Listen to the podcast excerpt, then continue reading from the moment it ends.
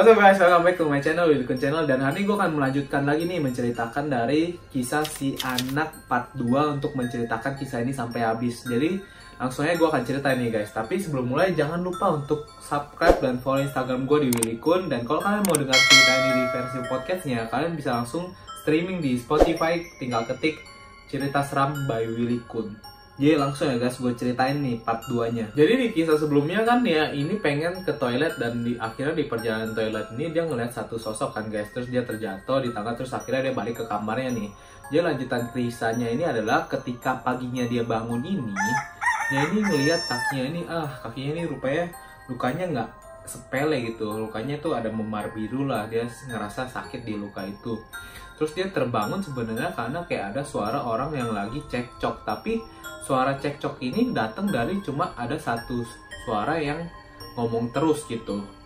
Nah akhirnya dia keluar kamar dia ngintip gitu pas dia keluar kamar dia ngintip ini rupanya yang lagi cekcok itu adalah Nika dan Silvi.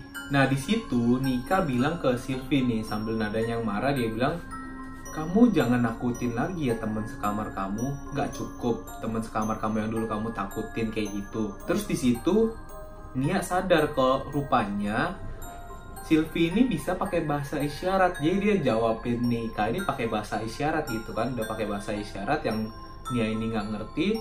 Terus dia ngeliat lagi ke arah Silvi nah rupanya Silvi ini ngelihat balik ke arahnya Nia dan sambil kayak tersenyum gitu. Jadi dia nunduk sambil jadi kayak semua yang diucapin nama Nika ini dia nggak dengerin gitu Nah, karena semalam kakinya Nia ini jatuh dan memarnya ini lumayan biru kan, akhirnya dia pas ngeliatin Nika sama Sylvie ini lagi cekcok, dia jatuh lah si Nia ini ke lantai gitu dan sontak di situ Nika langsung ngelihat ke arah Nia. Pas dia ngelihat, oh rupanya Nia ini lagi ngekuping pembicaraan mereka nih. Terus cepet-cepet lah Nika nih datang ke arah Nia, terus dia ngomong kamu lagi nguping ya? Nah sebelum si Nia ini sempat ngebales Nika ini udah ngeliat ke arah kakinya Nia nih.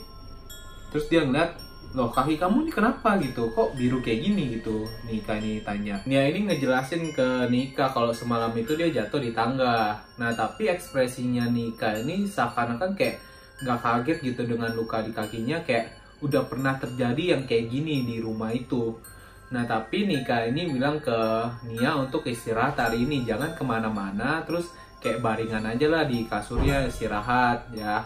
Terus Nia cuma bisa ngangguk iya gitu. Dan Nika juga bilang besok kamu tuh udah sekolah jadi kalau bisa hari ini kompres pakai es jadi besok udah bisa sekolah ya Nia gitu Terus akhirnya Nia kembalilah ke kamarnya dia ini. Nah akhirnya Nia ini kan istirahat seharian kan di kamarnya ini. Mungkin karena dia bosen nih akhirnya dia bangun lah dia ngeliat ke arah jendela, dia ngeliat ke halaman belakang ini. Nah dia kan ngeliat anak-anak lagi main terus ada selfie juga. Terus dia ngeliat ke pojok halaman belakang ini ada seseorang yang merhatiin ke arah kamarnya Nia nih. Tapi dia nggak kenal itu siapa.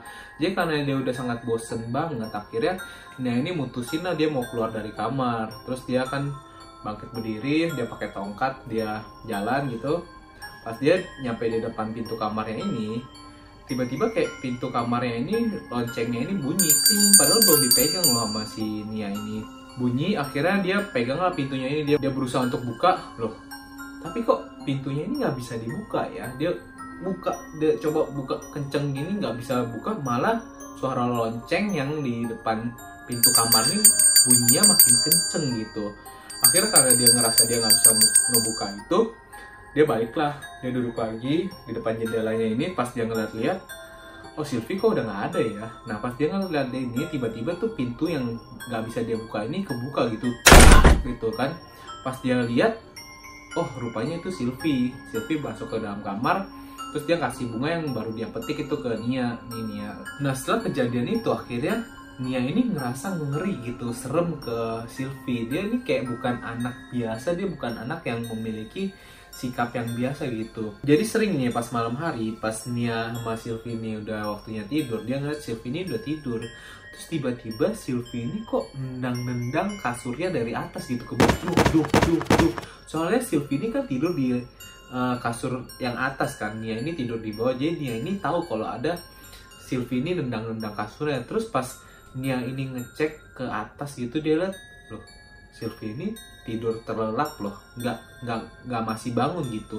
Dan dia nggak mungkin bisa nendang-nendang gitu tapi dia nggak tahu kok bisa begitu ya. Terus akhirnya dia lanjutin lah tidur. Terus pas dia udah lanjutin tidurnya ini hari-hari pun berlalu gitu. Tapi kakinya Nia ini yang tadi luka jatuh ini nggak kunjung sembuh gitu. Malah makin hitam gitu dari yang tadinya biru terus jadi ungu. Sekarang tuh lukanya ini udah makin hitam gitu nggak kunjung sembuh. Padahal luka yang cuma jatuh gitu karena dia nggak kunjung-kunjung sembuh juga akhirnya Nika bilang ke Nia ya udah kamu pergi sekolah lah pakai tongkat nggak apa-apa ya terus diperban soalnya kan dia maunya anak-anak di situ sekolah gitu seperti yang lain jadi akhirnya Nia pun mengiyakan. Akhirnya Nia pun pergilah ke sekolah pakai tongkat dan pakai kaki yang diperban ini. Jadi di hari pertama Nia masuk sekolah ini, anak-anak di sekolah itu nggak ada yang mau ngedeketin Nia, nggak ada yang mau berteman sama dia, malah cenderung ngejauhin Nia. Karena mereka itu tahu kalau Nia ini punya luka yang aneh. Terus mereka juga tahu di mana Nia ini tinggal. Jadi kayak udah ada desas-desus rumor di sekolah itu kalau anak yang dari yayasan ini biasanya tuh aneh gitu kan jadi mereka ngejauhin gak ada yang mau nemenin Nia terus akhirnya adalah satu anak kecil gitu seorang gadis yang seumuran dengan Nia ini nah di situ dia nyapa Nia dia bilang halo tapi di situ Nia nggak jawab apa-apa dan lagi-lagi anak itu yang gadis kecil nih lanjutin ngomong e, luka di kakimu mengingatkan aku pada seseorang gitu yang pernah dulu sekolah di sini nah di situ Nia kayak bingung hah mengingatkan kepada seseorang. Nah setelah ngomong itu akhirnya gadis kecil ini lanjutin lagi. Iya dulu dia pernah sekolah di sini. Nah lukanya itu mirip kayak kamu tapi dia nggak terlalu lama sekolah di sini dan dia tiba-tiba keluar. Tapi setahu aku kayaknya dia tinggal di panti asuhan yang sama deh kayak kamu. Nah di situ kan Nia juga makin tambah bingung kan, tapi Nia juga nggak bisa jawab apa-apa dan tiba-tiba gadis kecil ini ngulurin tangannya dia bilang, iya namaku Ica gitu. Terus Nia ini membahas nama aku Nia. Akhirnya mereka kenalan di situ dan mereka kayak ngobrol-ngobrol lah. Nah setelah percakapan itu akhirnya mereka mulailah ngobrol banyak dan Ica ini bilang rumah kamu itu angker ya. Nia ini lagi-lagi nggak bisa ngomong apa-apa karena dia juga baru di situ kan. Terus Ica ini juga menjelaskan kalau dia dulu tuh inget sama luka yang di kakinya Nia ini karena ada satu orang kan yang mirip kayak dia dan anaknya itu di sekolah ini juga nggak ada yang mau nemenin. Terus dia cuma ada satu temen yang bukan dari sekolah ini yaitu seorang gadis kecil yang sekolahnya nggak jauh dari sini dan dia ini nggak bisa ngomong. Dia ini kayak tunawicara cuma bisa pakai bahasa isyarat gitu. Terus dari pembicaraan itu akhirnya Nia ini cuma bisa tertuju pada satu orang dong Silvi tapi dia nggak ngomong apa-apa sih ke Ica. Dia kayak bilang oh gitu ya.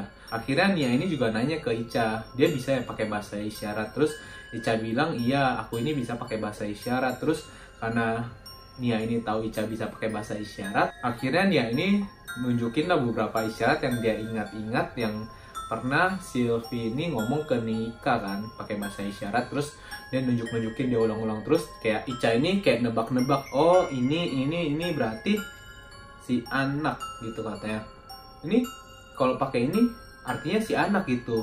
Loh kok muncul lagi kata-kata si anak gitu? Padahal Nia ini nggak tahu maksudnya si anak ini apa. Terus kira Nia ini nanya lah ke Ica maksudnya arti si anak itu apa ya? Terus kayak si Ica ini juga jelasin aku juga nggak ngerti maksudnya si anak ini apa. Tapi kalau dia isyarat itu harusnya sih kata-kata yang muncul adalah kata si anak gitu. Terus akhirnya setelah perbicaraan kayak gitu Ica ini bilang ke Nia e, Nia aku boleh nggak ya main ke rumah kamu nanti Terus Nia bilang ke Ica, oh iya kalau kamu mau main ya udah nanti datang aja ke rumah aku setelah maghrib ya. Terus setelah pembicaraan itu akhirnya mereka ngobrol banyak, terus selesailah. Nah setelah pembicaraan itu akhirnya mereka ngobrol-ngobrol dan akhirnya Nia ini pulanglah ke rumah pas sore harinya ini. Nia ini bingung, kok sikapnya Sylvie ini tiba-tiba kayak marah-marah mulu ke dia ya. Jadi muka ekspresinya ini kayak yang marah terus kayak nggak mau ngehirauin Nia dia nggak mau ngobrol lagi sama Nia terus akhirnya dia keluarlah dari kamar. Terus karena Nia juga bingung dengan sikapnya Sylvie yang nggak bisa ditebak. Terus kok berubah tiba-tiba kayak gitu? Akhirnya ya udah Nia juga nggak terlalu hirauin Sylvie lah.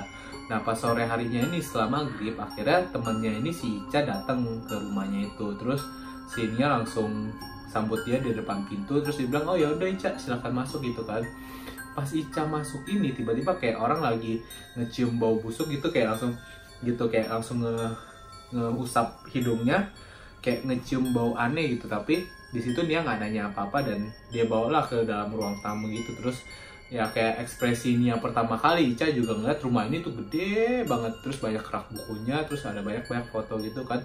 Tapi lagi-lagi ada satu foto yang buat Ica ini kayak tanya ke Nia Nia ini foto siapa sih kok gede banget terus di sini kayak mencolok banget lah kelihatannya gitu kan dan di situ Nia nggak bisa jawab apa-apa karena Nia juga bingung siapa sih sosok di foto itu dan dia juga nggak tahu kan dia nggak mendapatkan jawabannya ini selama ini. Nah setelah akhirnya si Nia ini nggak bisa menjawab Ica ini tiba-tiba nih Eva tuh manggil makan malam gitu. Terus nih Eva juga ngeliat oh ada temennya Nia nih terus dia bilang kalau kamu bawa temen tuh kasih tahu dulu ke kita gitu. Nah terus di situ akhirnya nih Eva ini ngajaklah si Nia dan Ica ini untuk makan malam bersama. Dia mereka ke ruangan dapur anak-anak udah pada ngumpul tapi anehnya di situ nggak ada Silvi ya akhirnya uh, kursinya Silvi ini dikasihlah ke Ica. Jadi si Nia makan di sini Silvi makan di sampingnya. Nah, terus mereka makan makan makan kayak makan di rumah ini selalu nggak ada yang ngomong sama sekali. Jadi mereka makan tenang banget. Nah selesai makan ini kan kayak biasa mereka cuci piringnya masukin lagi kerak terus hmm, si Ica ini anehnya nggak ngomong apa-apa juga gitu. Terus selesai makan nih tiba-tiba Ica nih ngomong ke Nia. Terus dia bilang e, kamu cium bau amis gak ya? Terus Nia ini cuma jawab ah bau amis? Enggak kayaknya aku nggak cium apa-apa. Terus Ica ini balas lagi iya kayak bau amis ari-ari bayi gitu loh. Kamu dong kayak Nia ini nggak tahu kok ngomongnya tiba-tiba kayak gitu ya. Dia kaget kenapa Ica itu ngomong kayak gitu. Terus setelah si Ica ngomong kayak gitu dia langsung lagi ngomong ke Nia nih Nia aku boleh gak ya keliling rumah ini? Aku mau lihat-lihat gitu. Tapi karena keadaannya udah malam Nia ini nggak tahu mau jawab kayak gimana. Tapi sebelum Nia ini sempat membalas Ica itu udah pergi langsung aja kayak lagi ngejar sesuatu gitu. Jadi setelah Ica ini pergi ninggalin Nia, akhirnya Nia ini berusaha lah buat ngejar Ica dengan kakinya ini yang masih sakit. Terus dia jalan perlahan-lahan ngelewatin lorong, dia ngelewatin koridor-koridor, dia ngelewatin pintu-pintu di sampingnya. Terus akhirnya dia ngelewatin lah satu ruangan yang tanpa lonceng di atas pintunya ini. Dia nggak suka banget suasana di pintu itu karena dia ngerasa kayak di balik pintu ini kayak ada yang memperhatikan dia gitu terus yang paling gak enaknya itu adalah kadang-kadang kalau dia ngelewatin pintu ini dia juga ngedenger suara tangisan di dalam pintu itu. Terus akhirnya dia ini mutusin lah untuk terus jalan. Nah dia nggak mau ngehirauin pintu yang tanpa lonceng itu dia terus jalan dia ngelewatin koridor demi koridor. Terus dia nyampe lah di gedung belakang yang dibilang sama Nika ini jangan main di situ kan. Nah akhirnya dia ngelewatin koridor demi koridor dia ngeliat kalau di sampingnya ruangan-ruangan ini tuh nggak ada yang ninggalin nggak ada yang nempatin. Nah dia lihat ada kayak kasur kosong. Dia di kamar-kamar itu beda kayak kamar yang di gedung depan ini kayak bangsal-bangsal rumah sakit jiwa gitu. Jadi pas dia ngelewatin uh, kamar demi kamar nih dia ngerasa nggak nyaman banget. Karena kayak ada yang lagi baringan di kasur yang kosong di bangsal-bangsal nih tapi dia nggak mau ngirauin dia terus jalan dia coba buat nyisir Ica yang tadi langsung jalan sendiri. Nah akhirnya dia nyampe lah di depan uh, satu pintu yang paling ujung nih. Terus dia buka lah pintunya. Nah di situ dia ngeliat Ica yang lagi jongkok gitu. Terus karena si Ica ngedengar ada pintu yang kebuka dia kaget lah. Terus dia langsung berdiri terus kayak nutupin sesuatu di bawahnya ini. Terus karena Nia ini penasaran apa sih yang ditutupin sama Ica ini? Terus dia bilang kamu nanam sesuatu ya? Di situ Ica nggak mau ngaku apa apa tuh dia nanam apa kan. Jadi dia di situ Nia langsung sontak ngedorong Ica ke samping buat ngegali apa yang udah dikubur sama si Ica ini. Dia gali gali gali gali gali terus nggak ketemu apa-apa. Akhirnya Ica ini bilang tuh kan aku tuh nggak nanam apa-apa Terus akhirnya Nia ini nanya lagi, terus kamu ngapain gitu gali-gali sesuatu di sini? Terus di situ Ica langsung bilang, iya aku tuh nyari kuburan dari janin-janin yang udah mati. Jadi si anak itu adalah janin-janin yang telah digugurkan, kata Ica begitu. Dari situ setelah Nia mendengar hal itu dia sontak dong, dia kaget loh. Apa nih maksudnya janin-janin yang udah dikuburin? Jadi di sini Ica coba menjelaskan kepada Nia nih katanya dulu yayasannya tempat tinggalnya Nia sekarang ini adalah Berangon. Berangon itu adalah tempat untuk menggugurkan kandungan atau menggugurkan janin gitu. Terus itu juga ada menjelaskan kalau kamu lihat aja tuh sekeliling tempat kamu tuh tempat tinggal kamu tuh banyak pohon salak kan. Jadi pohon salak itu digunakan untuk nutupin bau amis darah janin yang udah digugurin. Terus dia bilang pohon salak selain untuk nutupin bau itu, dia juga ada penunggunya katanya. Nah di situ Nia bingung dong maksudnya penunggu itu apa. Terus Ica tuh ngejelasin iya maksudnya penunggu itu adalah ada sosok yang suka menjilati darah dari janin. Terus Nia itu tanya sosok apa sih? Terus di situ Ica berbisik ke Nia genderuwo. Nah setelah ngedenger hal itu, tiba-tiba pintu yang di depan dia ini langsung ketutup kenceng ke bating. Nah mereka tuh udah sangat kaget banget dong, jadi mereka langsung mutusin untuk keluar dari pintu itulah. Nah jadi mereka udah keluar dari pintu itu, mereka ngelewatin bangsal demi bangsal. Terus di situ Ica bilang lagi ke Nia, Nia, kamu dengar gak sih suara di sekeliling kita? Nah di situ Nia nggak mau lagi ngejawabin si Ica, dia cuma mau balik ke kamar. Terus si Ica nih langsung bilang, iya banyak nih yang jerit-jerit di sini banyak yang kayak jerit-jerit minta tolong gitu. Tapi ini bener-bener udah nggak mau ngehirauin itu sampai mereka berhenti di depan kamar yang nggak ada loncengnya itu. Di situ dia ngelihat satu sosok yang sangat mengerikan yaitu wanita yang ada di dalam foto di ruang tamu. Lagi jalan masuk ke kamar yang tanpa lonceng itu langsung dia di situ badannya gemeteran banget dia langsung keringetan dingin Nah di situ rupanya bukan Nia dong yang ngelihat, dia ngelihat ke arah Ica, terus Ica bilang, iya Nia, itu foto sosok yang ada di ruang tamu kan. Di situ langsung Ica juga nggak bisa ngomong apa-apa lagi yang tadinya kelihatan dia sangat berani, dia langsung kelihatan takut banget, bukanya gemeteran, tangannya juga gemeteran, pucat langsung, keringet dingin semuanya. Jadi mereka buru-buru lah ngelewatin ruangan itu. Dia setelah mereka melewati ruangan itu akhirnya mereka nyampe di ruang tamu lagi. Di situ rupanya udah ada Nika. Nah di, di itu Nika langsung mempersilahkan Ica untuk pulang karena dia bilang orang tuanya udah nungguin di rumah jadi udah pulang aja udah malam juga kan. Nah di situ Nika nggak terlalu banyak ngomong juga sama si Nia. Dia langsung bilang ya kamu langsung balik ke kamar ya soalnya Sylvie itu udah nunggu kamu di kamar katanya begitu. Jadi setelah akhirnya Nia ini kembali ke kamar dia ngeliat Sylvie itu lagi duduk di lantai gitu lagi kayak kayak ngehadap ke belakang pintu gitu kan. Terus akhirnya Nia ini masuklah ke dalam kamar. Nah tiba-tiba langsung Sylvie balik ke dia terus langsung marah-marah nggak jelas. Nah karena Nia juga nggak ngerti apa yang Sylvie ucapin ya udah dia nggak terlalu ngihirauin. Terus tiba-tiba Sylvie makin marah terus dia langsung buka pintunya sambil nangis.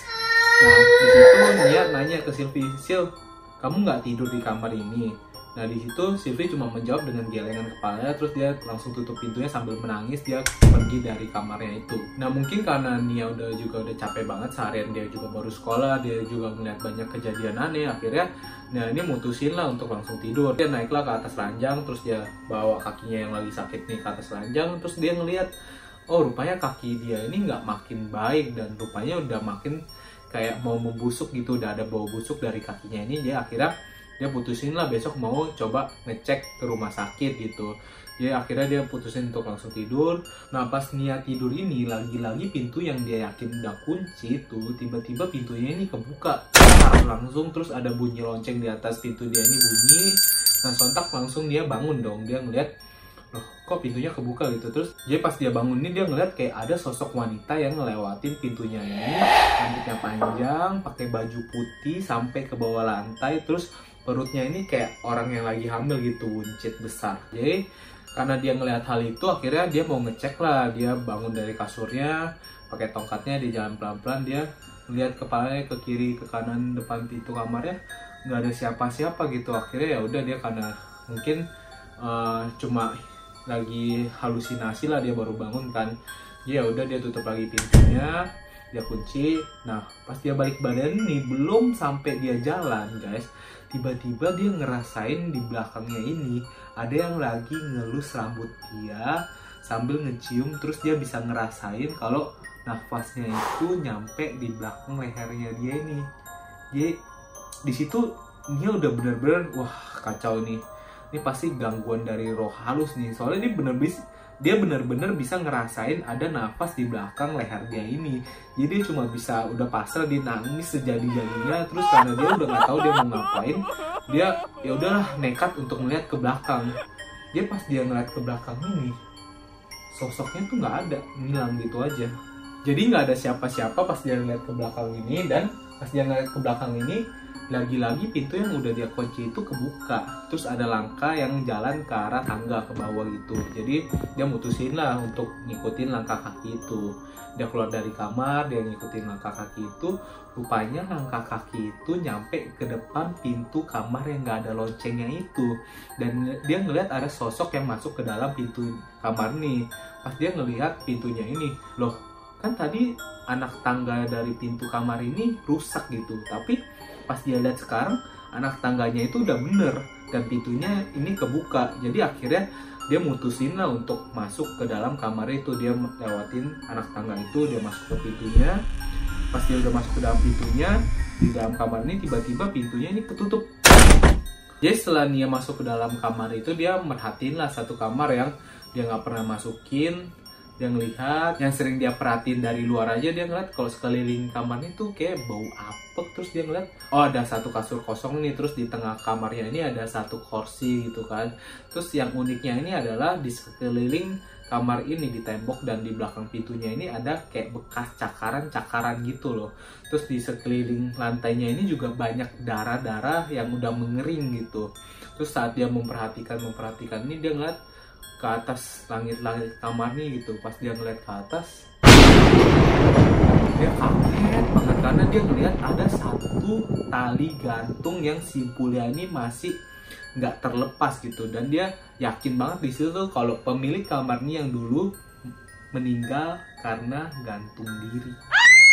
Terus setelah dia tahu kalau pemilik kamarnya udah pasti gantung diri, dia mutusin udahlah udah cukup, dia mau keluar dari kamar ini dia balik terus dia coba buat buka pintu kamarnya.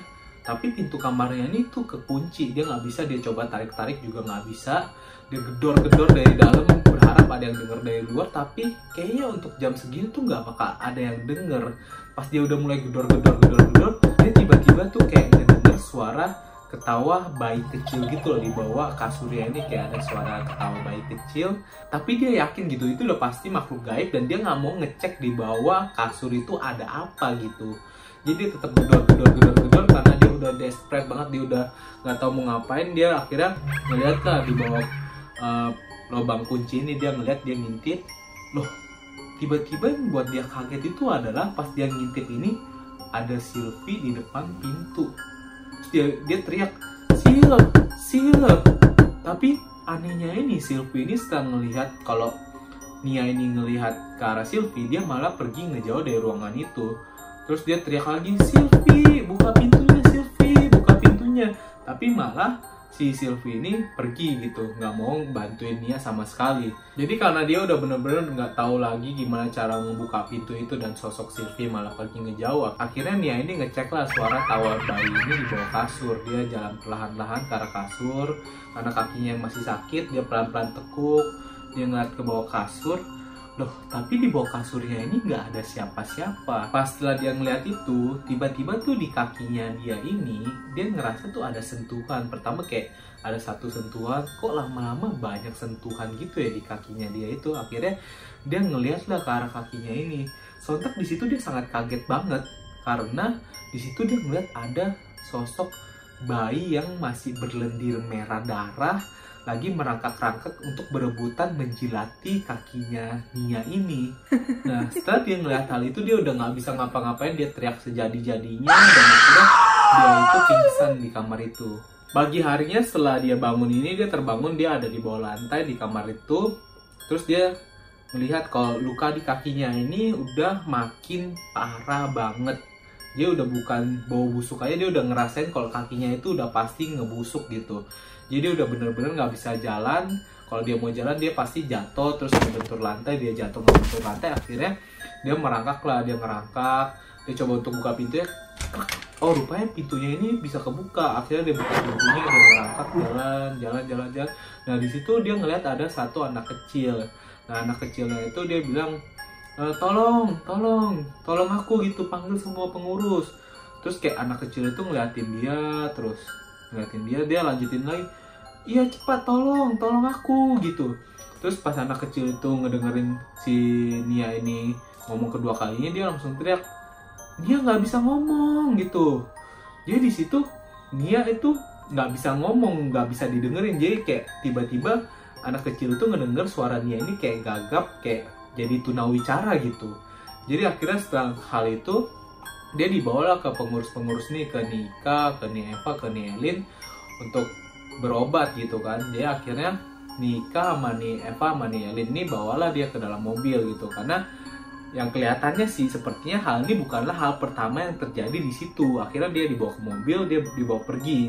Di perjalanan ini, Nia ini benar-benar nggak mau ngomong apa-apa ke Nia Eva atau ke siapa pun gitu. Dia cuma tutup mulutnya karena dia tahu biarpun dia ngomong nggak akan ada yang ngerti. Jadi akhirnya setelah perjalanan yang cukup lama, mereka sampai di satu rumah gitu. Jadi Nia ini dibawa turun dibantu sama Eva untuk turun dan dia masuk ke dalam rumah. Nah di dalam rumah ini ada satu orang sosok wanita tua di atas kursi roda yang didorong oleh satu gadis muda gitu. Rupanya sosok tua ini adalah pemilik dari yayasan yang tempat Nia tinggal ini. Dan sosok di belakangnya ini adalah seorang gadis yang kurang lebih umurnya ini mirip sama Nia. Dan rupanya dia itu dulu pernah tinggal di yayasan ini juga dan setelah akhirnya Nika ini ngobrol dengan sosok wanita itu akhirnya Nia ini tahulah kalau dulu ini sosok gadis muda ini dulu pernah tinggal di yayasan juga. Dan dia dulu tuh pernah ngalamin kejadian yang sama kayak Nia. Karena pas dilihat oh di kakinya ini tuh ada luka yang mirip sama kayak Nia. Terus pas Nia udah tahu itu Nia tuh coba ngomong gitu ke wanita ini kan si gadis muda ini Terus rupanya gadis muda itu ngerti apa yang diomongin sama si Nia. Dan dia malah membalas, iya kamu itu sudah melihat momok. Tapi tenang aja, kamu pasti akan sembuh gitu. Dia coba untuk menenangkan Nia. Terus akhirnya setelah sosok gadis muda ini coba untuk menenangkan Nia, nah sosok wanita tua ini memperkenalkan diri lah kepada Nia. Jadi sosok wanita tua ini adalah Niasi. Dia adalah pemilik dari yayasan yang ditinggali oleh Nia ini. Terus akhirnya dia setuju untuk membantu mengobati Nia dan akhirnya Nia ini uh, dibawa masuklah oleh sosok wanita tua ini dan sosok gadis muda ini ke satu ruangan dan mereka di perjalanan ini kayak ngelewatin satu lorong yang sama persis bentuknya kayak uh, gedung belakang halaman yang yayasan mereka nih. Jadi banyak bangsal-bangsal dan di situ banyak kasur-kasur. Dan di situ juga Nia ngelihat satu foto hitam putih yang sama persis di ta di ruang tamu dari rumahnya yang yayasan dia ini. Jadi di situ setelah Nia melihat foto itu dia berpikir, "Oh, jangan-jangan sosok wanita di dalam foto ini adalah wanita tua ini. Tapi di situ hanya pemikiran Nia lah. Jadi dia nggak mau ngomong terlalu banyak. Dia akhirnya mereka sampai di satu ruangan yang bentuknya ini kayak masih kayu gitu, masih ruangan kayu. Mereka masuk ke dalam ruangan kayu itu. Nah, kira di dalam ruangan kayu ini, di tengah-tengah ruangannya ini ada kasur. Jadi, Nia ini dinaikin lah ke atas kasur itu. Terus nenek tua ini yang duduk di kursi roda tiba-tiba bangkit dan berjalan terus pas Nia memperhatikan gitu dia ngelihat kalau nenek ini tuh cara jalannya tuh sama pincang juga kayak Nia pas lagi sakit kakinya jalan gitu kan terus setelah itu akhirnya Nia ini diberilah kayak bunga-bungahan terus diberi kayak eh, hal-hal uh, herbal gitu kan. Nah setelah itu wanita muda yang bantuin Nia ke ruangan itu dia nutup pintu kayunya ini pakai pasak kan ditutup.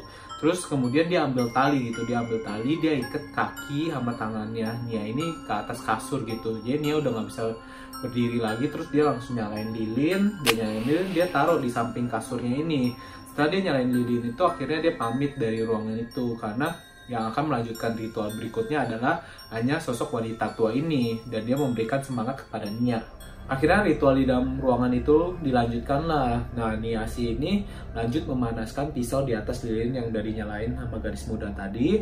Terus dia tuh ngomong ke Nia e, padahal kamu tuh cuma dipegang kaki kamu ya tapi bisa hasilnya sampai kayak gini. Aku nggak ngebayangin gimana kalau sama sosok yang ditarik lidahnya sama dia dia ngomong kayak gitu tapi Nia cuma nggak ngerti apa yang dimaksudin sama Niasi jadi Niasi cuma lanjutin bilang tahan sakitnya ya karena abis ini akan sakit banget kata Niasi. Terus Nia akhirnya dikasih untuk menggigit mulutnya, mengganjal mulutnya dia gigit. Nah lanjutlah Niasi itu langsung mengiris luka yang di kakinya Nia ini dia iris iris iris.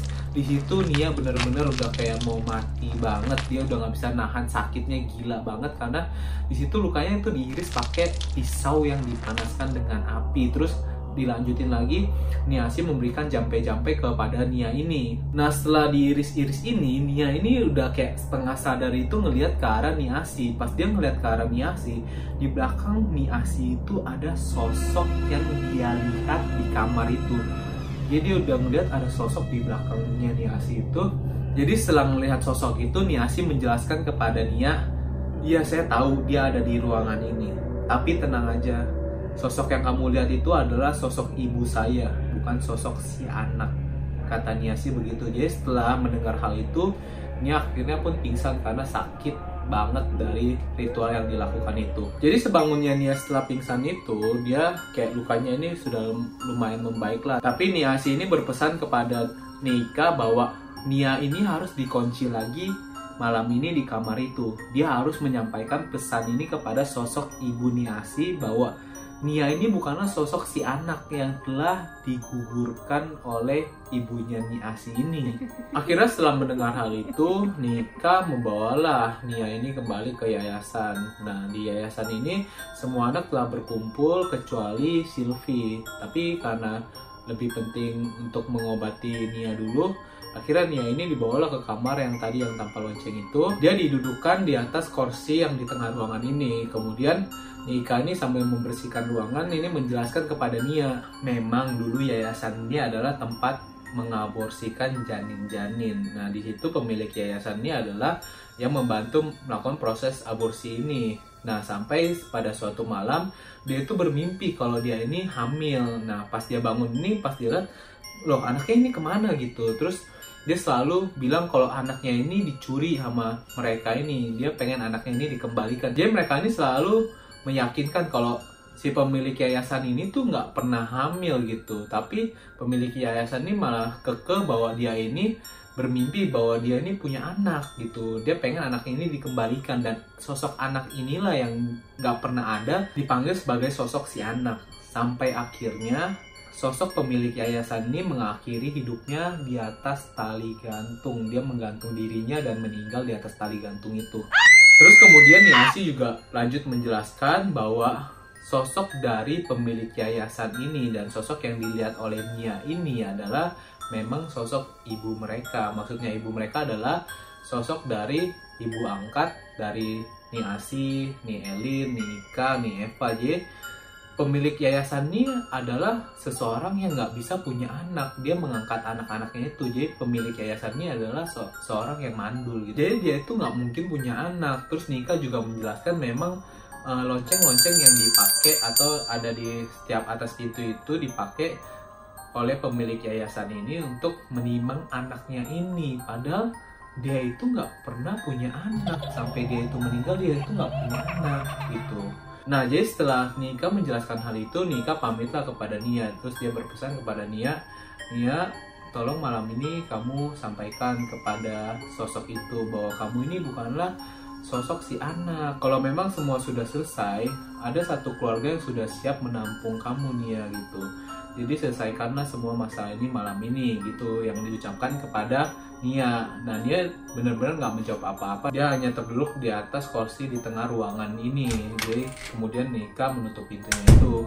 Nah kemudian malam sudah semakin malam terus suasana sudah semakin hening. Kemudian dari keheningan itu akhirnya Nia ini sudah mulai merasakan bahwa sosok yang ada di dalam ruangan itu ada di belakang dia. Terus dia udah merasakan bahwa rambutnya Nia ini sudah mulai dielus sama sosok ini. Terus dia langsung mendekatkan mulutnya ini ke kupingnya Nia terus berbisik anakku. Nah di situ setelah mendengarkan hal itu, Nia ini merasa kalau di bawah kakinya ini ada yang merangkak tiba-tiba seperti waktu itu gitu jadi dia mendengar itu terus matanya ini menuju ke bawah gitu melihat ke bawah dia kaget karena yang di bawahnya ini bukan sosok yang pernah dia lihat tapi dia melihat ada sosok Sylvie. Nah di situ tiba-tiba Sylvie ngomong dan kali ini yang membuat beda adalah Nia ini ngerti apa yang dibilang sama Sylvie. Sylvie bilang ke Nia jangan ngomong apa-apa. Nia jangan ngomong apa-apa gitu. Nah di sini hati nurani. Nia ini bilang harus percaya sama Sylvie, jangan ngomong apa-apa gitu. Jadi sosok yang di belakangnya Nia ini memperhatikan Nia, kemudian balik memperhatikan Sylvie gitu. Dia memperhatikan Nia lagi, dia memperhatikan Sylvie, kemudian mendekati Sylvie gitu. Setelah mendekati Sylvie, tiba-tiba Sylvie tuh ngomong ke sosok ini. Dia bilang, dia bukanlah sosok si anak, jadi dia boleh pergi.